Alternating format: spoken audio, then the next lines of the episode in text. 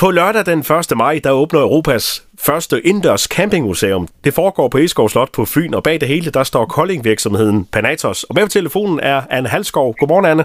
Godmorgen. Hvordan opstod ideen til at lave et campingmuseum? Øh, ideen til at lave det her mega seje projekt omkring et camping outdoor museum opstod, fordi at øh, min partner og jeg har en lang historie inden for, for campingindustrien. Hans Jørgen har, er vokset op og født ind i camping, da han har ejet komplet nede i Sønderjylland tidligere, øh, en familieejet virksomhed. Og vi, øh, vi brænder begge to for at skabe projekter, som har et formål, og som får flere folk ud i naturen. Og øh, muligheden bød sig sammen med, øh, med Eskov og DCU for at lave Europas første camping outdoor museum, hvor vi øh, kan inspirere folk til at komme ud og være sammen på en anderledes måde. Hvad er det, man kan, kan se på i museet? I museet får du sådan en, en god øh, mix af mange forskellige ting, fordi vi har valgt at sådan redefinere øh, museumsudtrykket. Øh, mange øh, tænker jo på museum som værende noget, der er, er tilbage i tiden, hvor man kigger på fortidsobjekter osv. Og det gør vi også her, men vi kigger på cirka 60% fortid, og så kigger vi på en 20-30% øh, nutid, og, øh, og så en, øh, en 20% fremtidsobjekter. Så det vil sige, at der vil være rig mulighed for at både at gå en tur igennem øh, barndommens minder, fra camping- og outdoor-livet, og også blive inspireret til, hvad er det, der er oppe i tiden lige nu, og samtidig så også kigge en lille smule ind i, hvad, hvad kommer der i fremtiden, og hvordan kommer vi til at opleve hele camping outdoor trendsene øh, udvikle sig over den næste tid. Så et museum, hvor man også bliver inspireret?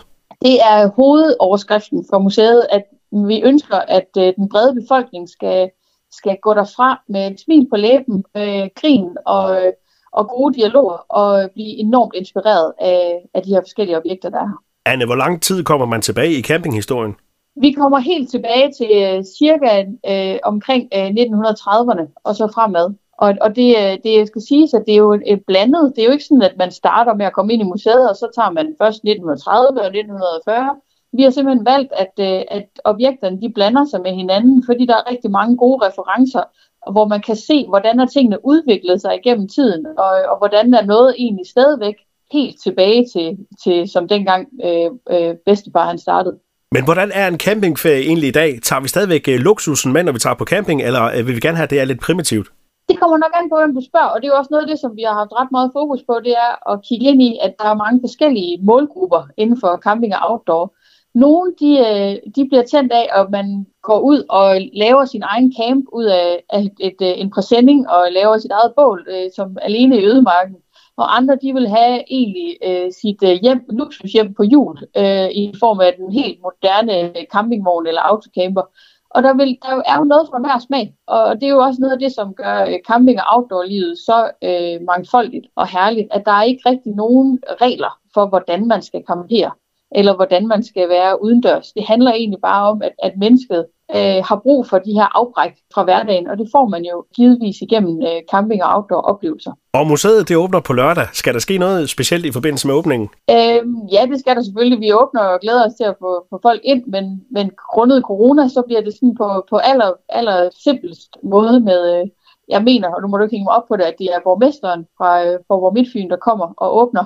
Øhm, og, øh, og det kan jo ikke, vi kan ikke gøre det store sådan, nummer ud af det, øh, men alt, når jeg kommer til, så glæder vi os egentlig også bare til at, at se folks reaktioner, fordi det er en, øh, en meget, meget anderledes udstilling, med, øh, som giver smil på læben, og som også stadigvæk øh, vil, øh, vil udvikle sig over tid.